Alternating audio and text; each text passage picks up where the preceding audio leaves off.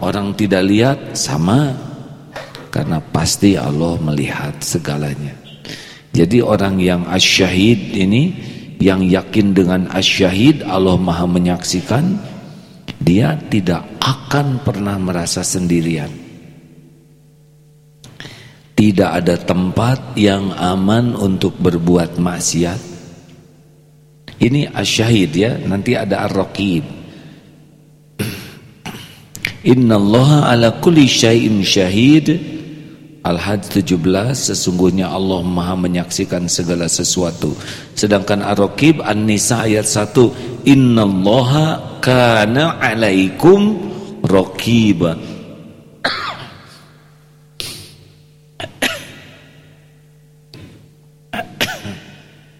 Maaf ini ada aroma ya nasi goreng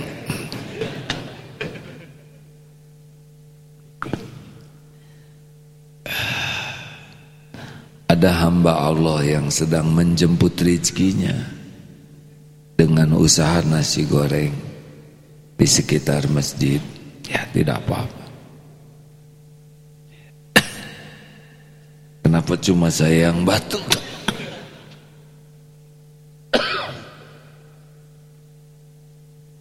Maaf ya saya izin minum. Sunnah minum bagaimana? Tangan kanan sunnah. Duduk sunnah. Melihat sunnah. Minum diawali bismillah sunnah. Tiga tegukan.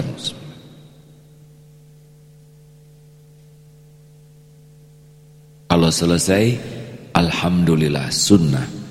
Dan jangan bernafas sambil minum itu pun sunnah. Dan kalau tidak suka jangan mencela makanan dan minuman itu pun sunnah. Monyet minum kambing minum kucing minum kita minum. Apa yang membedakan? Pakai gelas. Istighfar hadirin. Masa monyet pakai gelas? Yang membedakan adalah Bagi kita bisa jadi amal soleh Jangan sia-siakan. Bismillahirrahmanirrahim. Alhamdulillah. Sambil minum begini Ini kan air madu hangat ya. Terbayang Ya Allah betapa lebah berjuang bulak-balik. Begitu letih siang malam dalam waktu ambil dari bunga simpan untuk jadi madu. Dan itu rezeki saya. Tidak tahu lebahnya di mana. Berjuang pasti itu. Yang rezeki saya akan ada di sini sekarang. Kemudian diambil oleh peternaknya, dibawa jual ke pasar, dibeli ke sini, masukkan ke gelas, khusus yang bagian rezeki saya. Air minumnya, mata airnya di mana, ditimba oleh siapa, disterilkan airnya, pH-nya diatur yang cocok, ke toko dibawa ke sini, dihangatkan kompornya di mana, bensinnya, gasnya, minyaknya dari mana, kumpul demi rezeki saya. Semoga siapa pun yang menjadi jalan air ini, rezeki saya ada di sini jadi amal soleh. Belum lagi yang bikin gelasnya, masya Allah, susah bikin gelas sendiri. Masya Allah Minum itu jauh lebih nikmat ketika ingat Allah yang memberi minum Ketika ingat proses Allah mencukupi minuman kita Lebih daripada sekedar meneguk air Monyet minum Kucing minum Kambing minum Apa yang membedakan? Ya Agak sulit kelihatannya monyet tafakur seperti tadi ya. Jadi kalau minum kurang tafakur berarti seperti jangan nyebut seperti monyet, seperti yang kurang tafakur yaitu orang yang kurang tafakur. Baik, hadirin jangan sembarang bicara. Setiap perkataan dicatat ya. Nyebut monyet-monyet. Mungkin kalau monyet mendengar ya itu nak, itu naon ya. Kenapa saya disebut-sebut? Lanjut. Saya tegang nih hadirin karena sedang membahas ini mungkin ada yang nanya kalau AA sudah sampai belum ke keyakinan seperti ini belum tapi sangat ingin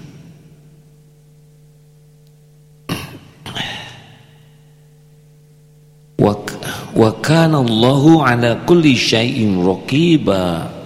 Dan Allah Maha mengawasi segala sesuatu. Al-Azab 52 An-Nisa ayat 1 Innallaha kana alaikum rokiba Sesungguhnya Allah selalu menjaga dan mengawasi kamu. Jadi tidak pernah sesaat pun Kita lepas dari pengawasan Allah. Apa asyahid dengan ar-roki bedanya Asyahid yang saya pelajari ini adalah Segalanya terlihat oleh Allah Tidak ada yang tersembunyi Makhluk apa pun tidak ada yang luput dari pengawasan Allah, dari penglihatan Allah. Di mana pun, kapan pun. Terang, gelap, rame, dalam sepi, tidak ada. Jadi semuanya disaksikan oleh Allah walaupun mengadakan rapat gelap di tempat yang gelap gulita sampai tidak tahu siapa yang ada di tempat rapat itu. Dan mereka bisik-bisik saking halusnya sampai tidak terdengar oleh yang dibisikinya. Ini aneh memang rapat ini dan Allah mengetahuinya jadi jangan pernah merasa kita ini aman dari pengawasan Allah ketika berbuat maksiat. Mau di dalam keramaian, sendirian, sembunyi, di kamar mandi, di balik selimut. Rata-rata orang berbuat maksiat itu karena merasa aman dari pengawasan yang lain. Coba ada CCTV, orang tidak leluasa, benar?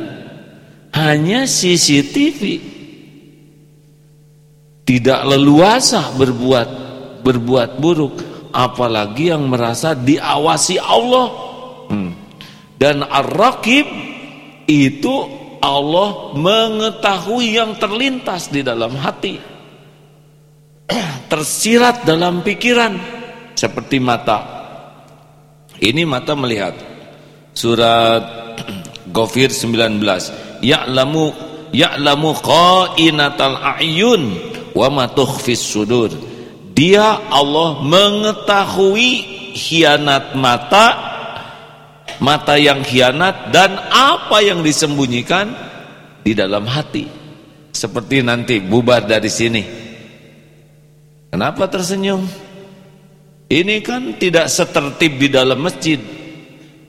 Ikhwan akhwat akan berada di tempat itu. Ya mangga ingin nyebrang. Bisa sepertinya polos, tapi lintasan hati Allah tahu. Berat. Kalau tidak yakin seperti ini, sibuk melihat HP tidak ada yang lihat, dia lihat sendiri. Mata melihat dan tahu Allah apa yang ada di dalam hati seseorang.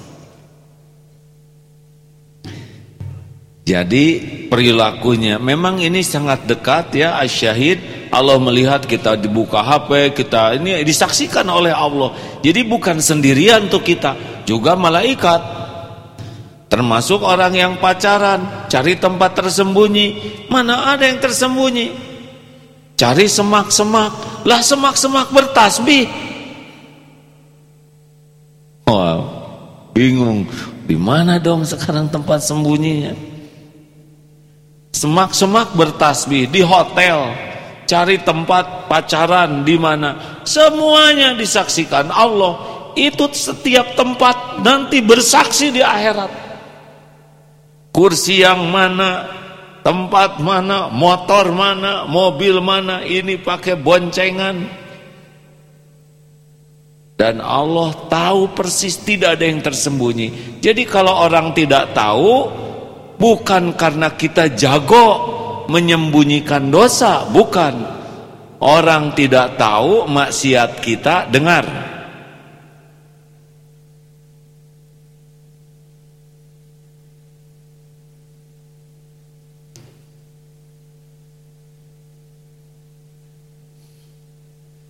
Orang tidak tahu kita berbuat maksiat bukan karena kita jago menyembunyikan.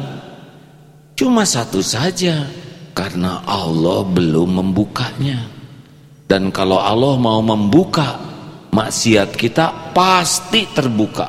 Tidak bisa dicegah dengan teknologi apa pun, dengan backingan siapa pun, kebuka pasti kebuka.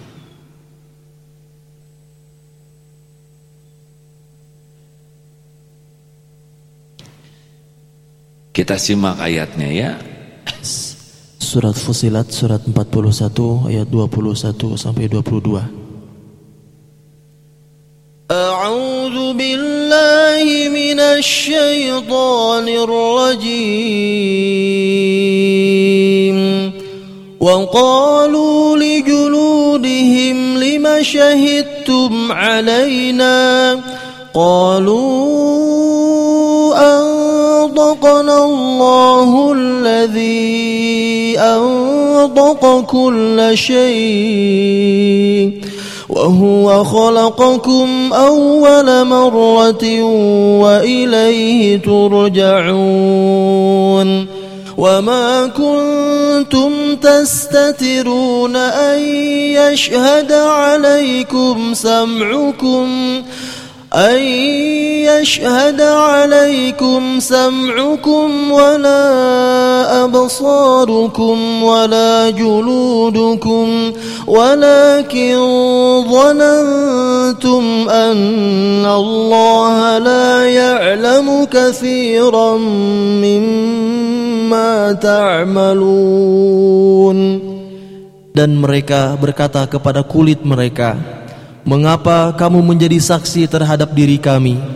Kulit mereka menjawab, Yang menjadikan kami dapat berbicara adalah Allah Yang juga menjadikan segala sesuatu dapat berbicara Dan Allah lah yang menciptakan kamu yang pertama kali Dan hanya kepadanya kamu akan dikembalikan Dan kamu tidak dapat bersembunyi dari kesaksian pendengaran penglihatan dan kulitmu terhadap dirimu sendiri. Bahkan kamu mengira Allah tidak mengetahui banyak tentang apa yang kamu lakukan. Surat Fusilat ayat 21-22 Surat Fusilat ayat 21-22 Tolong dibuka lagi hadirin. Dia akan berbicara nanti. Siapa yang menyentuh yang tidak halal Selain nanti dibuka Ini bersaksi Mata juga bersaksi. Saya berzina Melihat video Melihat foto yang haram Melihat tayangan yang haram. Semua bersaksi Tidak bisa lari. Dan Allah lah yang memerintahkan mereka bersaksi. Hadirin Sudah saatnya kita untuk sangat serius menyadari hal ini. Karena kita berbuat maksiat Secara sederhananya karena dua hal. Satu ada niat Yang kedua ada kesempatan. Sedangkan merasa disaksikan Allah Membuat kesempatan kita hilang Merasa diawasi Allah hati kita Ar-Raqib insya Allah membuat niat kita juga jadi hilang dari niat berbuat buruk.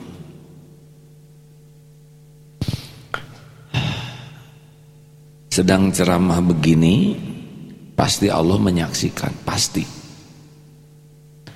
dan Allah juga tahu persis niat dibalik setiap ucapan kapan ria kapan ujub kapan ingin dikagumi kapan ingin dipuji itu ar-raqib mengawasi hati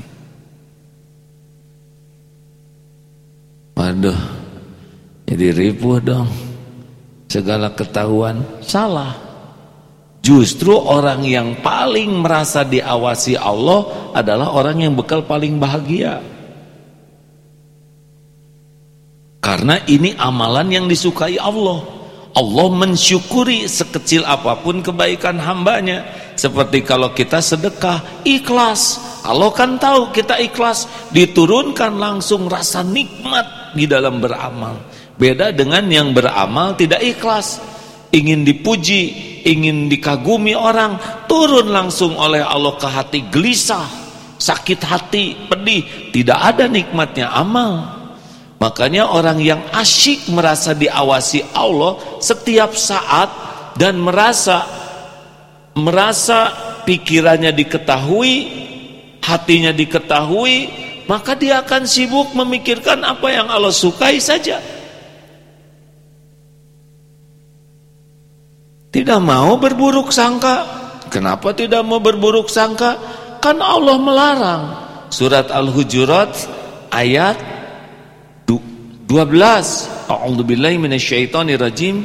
Ya ayyuhalladzina amanu istanibu katsiran minadh-dhann inna ba'da dhanni is Hei orang yang beriman, jauhi prasangka. Karena sebagian dari prasangka itu dosa karena Allah nyuruh jangan berprasangka buruk kepada orang yang beriman cari seribu satu alasan berbaik sangka wah gimana kalau kita berbaik sangka ke dia ternyata dia penipu. Allah tahu siapa pun yang akan nipu. Allah tahu siapa pun yang berdusta. Allah tahu siapa pun yang akan berbuat jelek. Tidak ada yang tidak diketahui oleh Allah. Dan kalau kita berusaha berbaik sangka lillahi ta'ala maka Allah hujamkan di hati kita ini. Sakinah just enak hadirin enak ke sini itu hadiah langsung dari Allah yang mengetahui hati kita berbaik sangka. Loh bagaimana kalau orang itu berniat jelek? Tidak sulit bagi Allah membuka niat jeleknya dengan caranya sehingga kita bisa tahu. Bukan jadi prasangka tapi jadi fakta. Mikir semua kan Allah tahu siapa yang mau nipu kita. Allah juga tahu yang membahayakan dan Allah menghargai hambanya yang berusaha mematuhi perintahnya berbaik sangka. Misal ada yang hadir ke sini saya tidak usah berburuk sangka jangan-jangan ada intel di sini. Ada intel di sini harus disyukuri. Kalau tidak ngintelin kapan ngajinya benar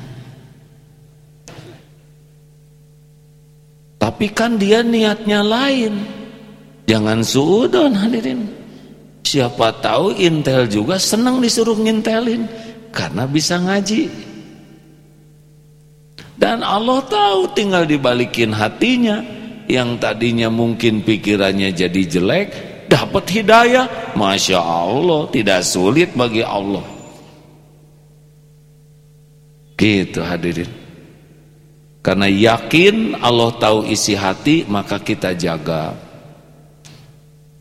Hati-hati nih yang suka dipuji orang. Apa sih bedanya orang yang suka dipuji orang? Ya lebih sibuk dengan penilaian orang. Ada orang dia bagus, tidak ada orang tidak bagus. Ciri orang yang belum yakin ke Allah itu adalah suka sekali maksiat sendirian. Dalam kesendirian maksiat sembunyi karena dia tidak merasa diawasi Allah. Coba dia maksiat di kamar, eh kamar kamu tuh ada CCTV tersembunyi berhenti dia maksiatnya Jangan sembarang ngomong, ini HP disadap, soleh langsung omongannya ya. Soleh, soleh. Nah bagi orang yang beriman, semua teknologi itu ciptaan Allah untuk membuat kita sadar bahwa kita lebih terpelihara kalau kita merasa diawasi dan Allah Ar-Raqib maha mengawasi. Gimana dong A supaya saya memiliki keyakinan seperti itu memang harus dilatih hadirin. Surat Al-Hadid ayat 4. A'udzubillahi minasyaitonirrajim. Wa huwa ma'akum aynama kuntum. Wallahu bima ta'maluna basyir. Dan dia Allah bersamamu di mana pun engkau berada dan Allah maha melihat apa pun yang engkau kerjakan jadi jangan pernah merasa sendiri ada seorang penyair mengatakan apabila engkau bersendirian dengan waktu pada suatu hari janganlah engkau berkata aku sendiri. Tapi katakanlah aku selalu ada yang mengawasi. Jangan dikira Allah Ta'ala lalai walaupun sekejap saja. Tidak ada satupun yang tersembunyi dan yang terlepas dari pengawasannya. Berat nih yang datang ke sini sama pacar ya. Alah cuma diturunkan. Takut ada yang ngebonceng yang lain ada istighfar. Nggak dipulangin. Harus bawa kardus lah. Hijab. Ada yang ngebonceng seseorang di gas di rem Allah tahu maksudnya yang ya silakan bacakan Ustaz. Surat Al-Mujadalah ayat ketujuh. أعوذ بالله من الشيطان الرجيم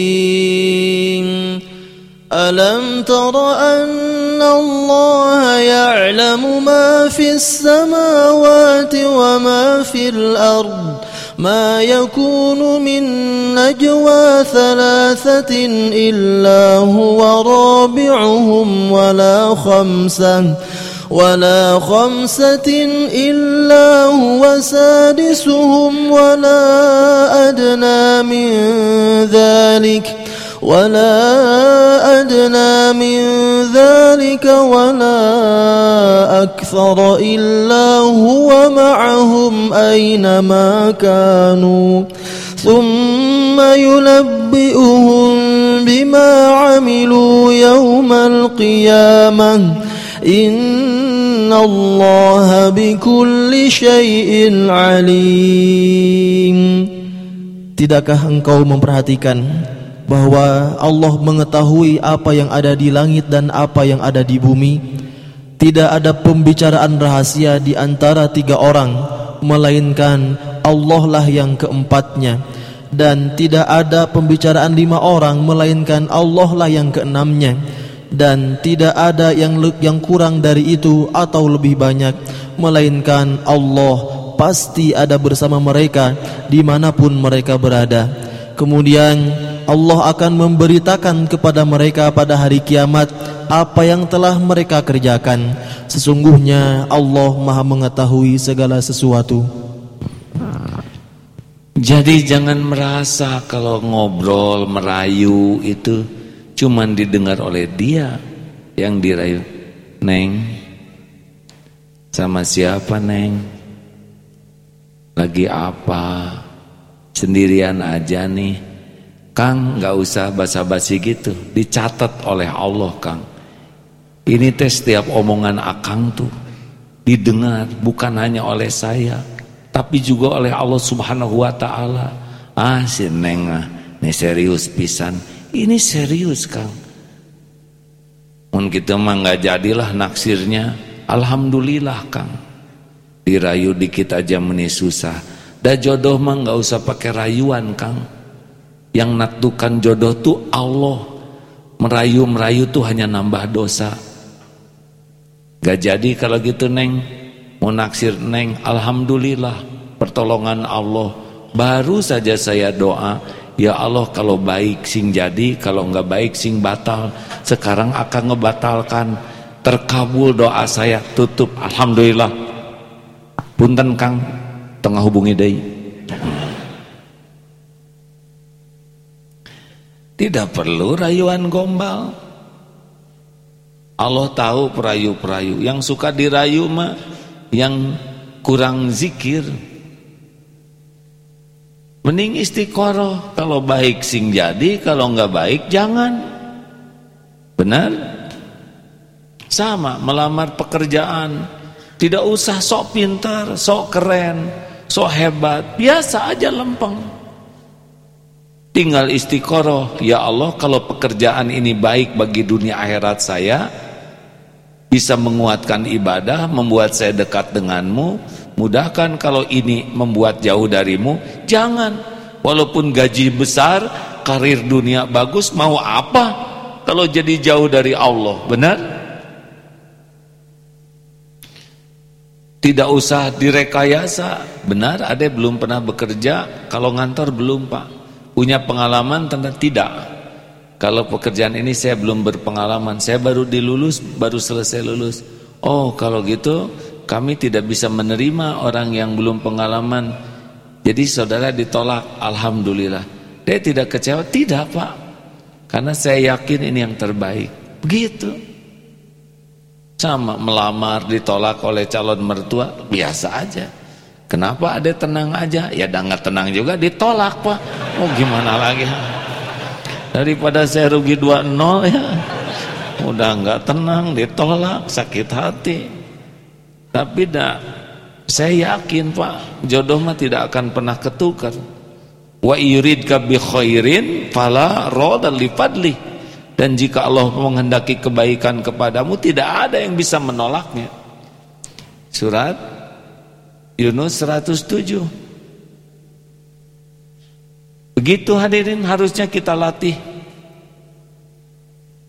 Mengimamin. Hati-hati ngimamin tuh Jamaah bisa khusyuk Yang imam belum tentu diterima oleh Allah. Karena Allah melihat Mungkin gerakannya benar Tapi Allah tahu. Allahu Akbar. Apa tujuan begitu? Benarkah takbir? Allah tahu ini. Ar-Raqib. Apakah benar dia ingat Allah Atau ingin kelihatan suaranya agem Bismillahirrahmanirrahim. Aduh maaf hadirin. Saya kehabisan nafas. Eh kriya teh hese Tadinya mau diperindah. Tapi selama baca bismillah tidak ingat. Sedang menyebut nama Allah. Yang diingat tuh makroj dan tajwid saja. Serta bersihnya dan panjang. Him begitu. Tidak salah bacaannya. Yang salah niatnya. Dan itu Allah pasti tahu. Kadang dibuat bacaan yang panjang kadang ikhlas bacaan panjang. Tapi ada juga yang bacaan panjang untuk memamerkan panjangnya hafalannya. Atau dibaca ayat yang orang lain tidak hafal. Supaya kalau dia salah nggak ketahuan. Ada juga ada yang bacaannya surat pendek tapi supaya kelihatan tawadu ini juga akal bulus hadirin ah biar saya pendek aja ayatnya supaya diakui sebagai orang yang banyak hafalan tapi rendah hati semua lintasan hati diketahui oleh Allah. Tidak ada yang tidak diketahui. Saudara punya badan bagus misalkan, oh pengen pamer terus gitu ya badan, itu Allah tahu bahwa di balik semua ini kita lagi memamerkan otot surotot. Dan tidak sulit bagi Allah untuk ya tinggal dikasih bakteri hadirin. Disentri di toilet itu hadirin. Mau otot kawat balung besi leher beton kalau menwa men, punten mencret wae di punten ya maaf saya mohon maaf. Saya anggota Menwa nih ya. Menwa saya mohon maaf ya. Maksud ini diare maksudnya. Ya tetap ya di WC benar kulit mulus dipamer-pamerkan kepada yang bukan haknya misalkan. Dan Allah tahu kita lagi tepos tebar pesona. Tebar pesona tepes ya tipes lah ya. Allah tahu dan tidak sulit. Kalau Allah mau menegur tinggal kirim koreng benar?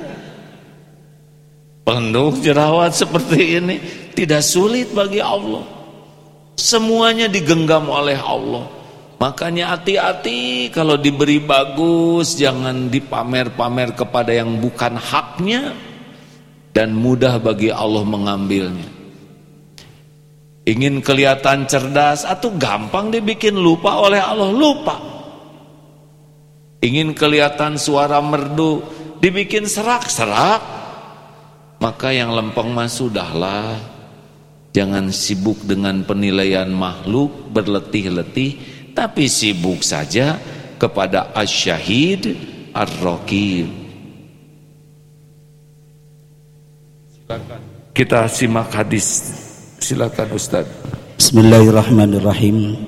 Dari Abu Hurairah radhiyallahu anhu berkata, suatu ketika Rasulullah sallallahu alaihi wasallam membaca surah Al-Zalzalah ayat yang keempat. A'udzu billahi minasyaitonir rajim. Yauma idzin tuhaddisu akhbaraha. Pada hari itu bumi menceritakan beritanya. Kemudian Rasul bertanya kepada para sahabat, Apakah kalian tahu apa yang diceritakan oleh bumi? Para sahabat menjawab, Allah dan Rasulnya yang lebih tahu. Rasulullah Shallallahu Alaihi Wasallam sesungguhnya yang diberitakan oleh bumi adalah bumi menjadi saksi terhadap semua perbuatan manusia baik laki-laki maupun perempuan yang telah mereka perbuat di muka bumi. Bumi itu kemudian akan berkata, manusia telah berbuat begini dan begitu pada hari ini dan pada hari itu. Inilah yang diberitakan oleh bumi. Hadis riwayat Imam At-Tirmidzi. Masya Allah. Tapi jangan risau. Karpet ini pun akan bercerita. Malam Jumat tanggal sekian jam sekian saya diduku, didudukin oleh fulan. Tapi dia tidur termasuk maaf ya tembok-tembok itu sering jadi saksi Jumatan.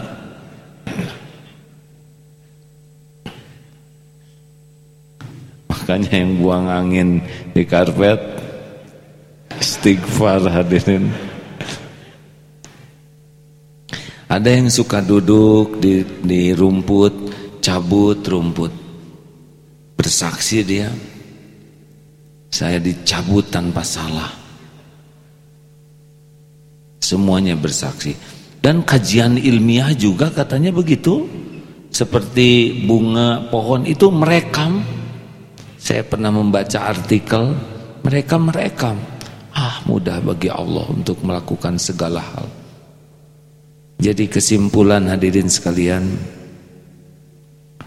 ini saya bacakan ya dari Imam Ibnu Qayyim. Semoga Allah merahmati beliau. Sesungguhnya kegembiraan hati kesenangannya dan penyejuk hatinya karena Allah tidak ada yang menandingi dan menyerupai sesuatu apa pun dari kenikmatan dunia ini. Jadi makan enak, e, pergi enak, apa banyak yang dianggap kenikmatan dunia, tapi kelezatan hati, kegembiraan, kesenangan, kesejukan kalau berbuat sesuatu ikhlas karena Allah itu tidak bisa ditandingi oleh kesenangan dunia apa pun juga. Jadi kalau orang sudah kenal ke Allah, asyiknya bersama Allah tuh tidak pernah bisa ditandingi oleh nikmat apa pun di dunia ini.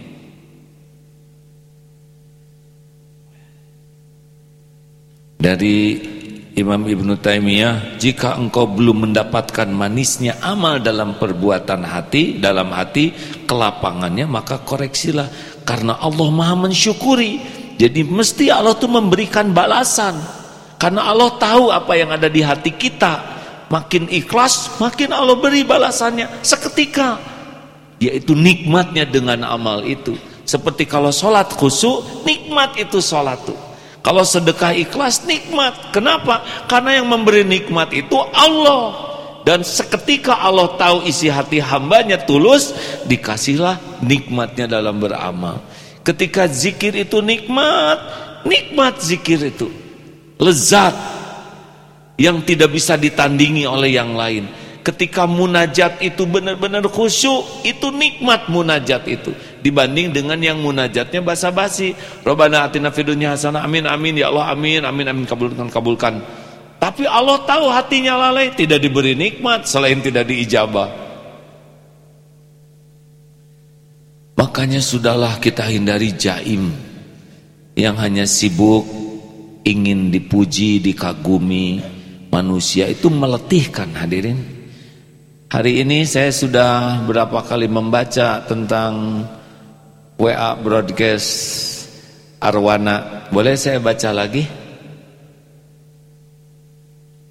Kalau boleh boleh, kalau tidak tidak ambil keputusan hadirin. Jangan suka enggak jelas. Boleh? Tapi ini sudah berulang-ulang tidak apa-apa. Alhamdulillah. Jangan suka enggak jelas gitu ya. Kalau ada apa-apa harus puguh. Di mana tadi ini hadirin? Nah. Sebentar cari arwana dulu nih. Ini saya dapat kiriman tapi bagus tulisan ini. Seorang santri sedang membersihkan akuarium kiainya. Dan santri ini takjub melihat ikan arwarna merah. Tanpa sadar kiai sudah di belakangnya. Nah, tahukah harga ikan itu? Oh, saya tidak tahu, Yai. Coba tawarkan sama tetangga sebelah potret. Tawarkan ke tetangga, balik lagi. Sudah Yai, berapa katanya nak nawar berapa tetangga? 50 ribu Yai. Ini tidak tahu harga. Coba tawarkan ke toko ikan hias tuh di sana. Bawa potretnya ke sana. Pulang lagi berapa tuh nak? 800 ribu yai Kaget Santri ini ternyata Potret yang sama yang nawar beda Cik sekarang coba Bawa ke ahli ikan itu Yang memang ahli ikan arwana Ini sudah sering ikut perlombaan. Dan ternyata dalam tulisan itu Yai 50 juta.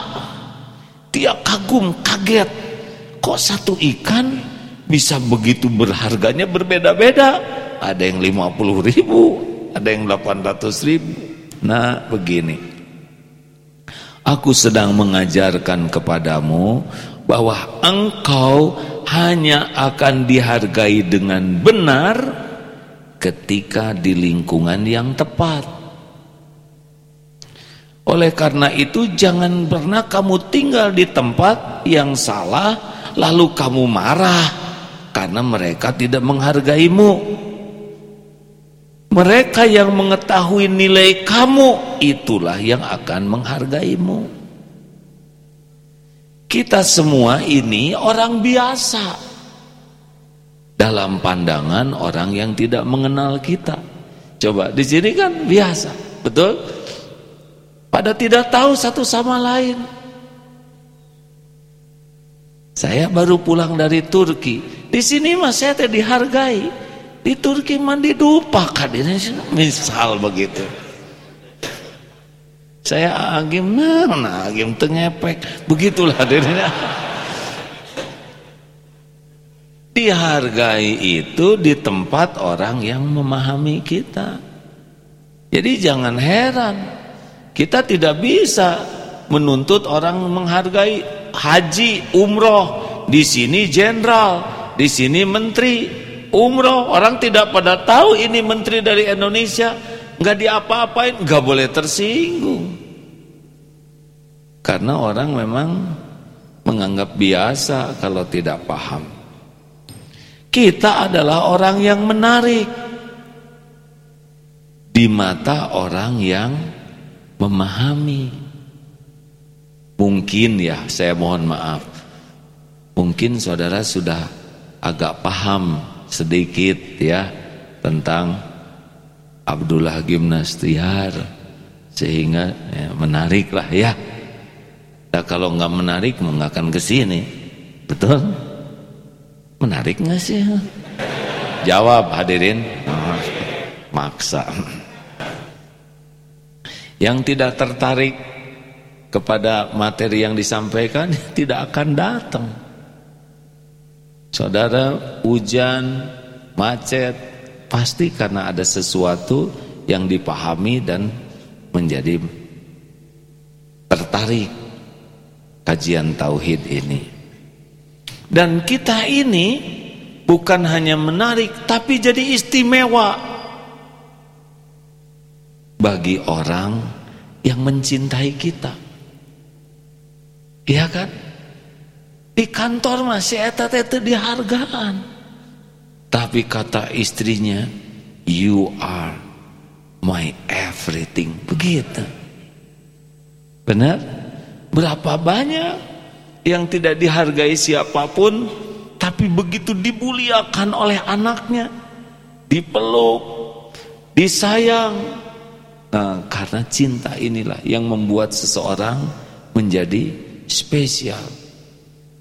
Rasulullah Shallallahu Alaihi Wasallam itu spesial sekali di hati kita karena kita mencintai beliau. Tapi bagi yang belum mengenal Nabi Muhammad tidak ada apa-apanya. Tapi kita apa pun yang kita lakukan itu nyebelin bagi orang yang sebel kepada kita yang iri eh, prestasi apa pun tidak disukai karena prinsip dengki adalah S M S. Senang melihat orang susah susah melihat orang senang. Kita naik pangkat dia naik tensi. Makanya Kata kiai ini begini nasihatnya. Makanya pada akhirnya setiap orang memiliki pandangan masing-masing. Maka tidak usah capek-capek berlelah-lelah agar selalu tampak baik di mata orang lain. Hei kawan-kawan, orang teh beda-beda. Jenisnya beda, umur beda. Latar belakang beda, turunan beda, hobi beda. Betul? Karakter beda, tingkat ilmu beda, pengalaman beda, kecerdasan beda, keimanan beda-beda Bagaimana mungkin kita ngarap-ngarap semua orang sama menilai kita? Pasti capek luar biasa kalau hidup kita hanya ingin disukai semua orang. Sudahlah wakafa billahi syahida. Cukuplah Allah. Apa bedanya orang yang ingin disukai Allah dengan orang yang cari kedudukan di sisi makhluk? Sederhananya orang yang ingin berkedudukan di sisi makhluk selain menderita ya hatinya tidak akan tenang. Kok tidak tenang? Ya iyalah kan Allah yang ngambil ketenangannya. Ini jaim nih, ini tepos nih, eh tebar pesona nih. Dia cari muka makhluk, gelisahkan aja kan Allah tahu isi hati, benar? Dan pasti fokusnya adalah casing. Apa tidak boleh kita punya casing yang bagus? Tidak ada larangan punya casing yang bagus. Nabi Sulaiman saja punya istana, punya singgasana. Kalau yang takdirnya punya casing bagus ya tidak apa-apa. Tapi jangan diperbudak casing. Sehingga seakan-akan casing inilah nilai diri kita. Karena innallaha la yanzuru ila suwarikum wa amwalikum walakin yanzuru ila qulubikum wa a'malikum. Nah orang sibuk membagus-bagus casing demi kedudukan di sisi makhluk. Ada yang merawat casing supaya Allah suka. Yang mengamanahi itu beda lagi. Tapi ada yang ingin dilihat lebih dari kenyataan. Ini yang paling menderita. Ih, ingin kelihatan langsing, tahan napas. Atau migren kurang oksigen. Bukan tidak boleh tahan napas ya. ya kalau dilepas bisa langsung melendung. Tapi jangan demi penilaian orang. Yang ingin kelihatan kaya. Jadi banyak cicilan. Padahal orang lain tidak pernah bantuin cicilannya. Yang ingin kelihatan pinter dan ngomongnya juga suka nggak ke hati di dalam fluktuasi dalam era globalisme yang uh, milenial serta konvergensi antara erosi dan terasi, kita harus mengadakan liur hadirin. Pernah KKN dulu jam 8, tahun 83 ada yang ceramah di kampung. Orang kampung teh bingung. Nah, orang kota teh teu harti omongan Gak eta tuh bahasa mahasiswa yang ingin ditunjukkan kepinterannya. Tidak perlulah. Coba saya nanya, perlukah kita dianggap oleh orang lain sebagai orang pinter? Perlukah kita diakui sebagai orang hebat? Perlu tidak? Perlukah kita diakui sebagai orang baik? Perlu tidak? Tidak perlu, yang perlu itu jadi orang baik. Dalam pandangan siapa? Dalam pandangan Allah. Nanti Allah buat orang-orang baik itu punya penilaian yang baik. Ayo hadirin sekalian ah. Jangan sibuk jaim. Apalagi yang sudah senior seperti saya, udah tua kayak gini, Sudahlah ada batasnya ya. Mungkin sampai umur 40, 45, 50, tapi kalau sudah tua ingin kelihatan gimana gitu, udah udah beda zaman. Ibu juga, mana ada ibu-ibu tidak ada batasnya, Bu, kelihatan remaja tuh, ya. Selebihnya nggak ada yang percaya. Punten hadirin, serius. Ya. Maaf ini ya, ini sebetulnya hanya bergurau enggak. Seperti otot mata ada yang suka pakai bulu mata palsu tapi ada satu saat yang kalau udah tua pakai bulu mata palsu teh nggak keangkat matanya. Mungkin karena udah beda ototnya kita harus waktunya melepas semua itu. Bisa paham nggak hadirin? Ini teh terlalu dramatis contohnya Artinya kita nggak usahlah maksa-maksa diri untuk kelihatan gimana gitu di mata orang.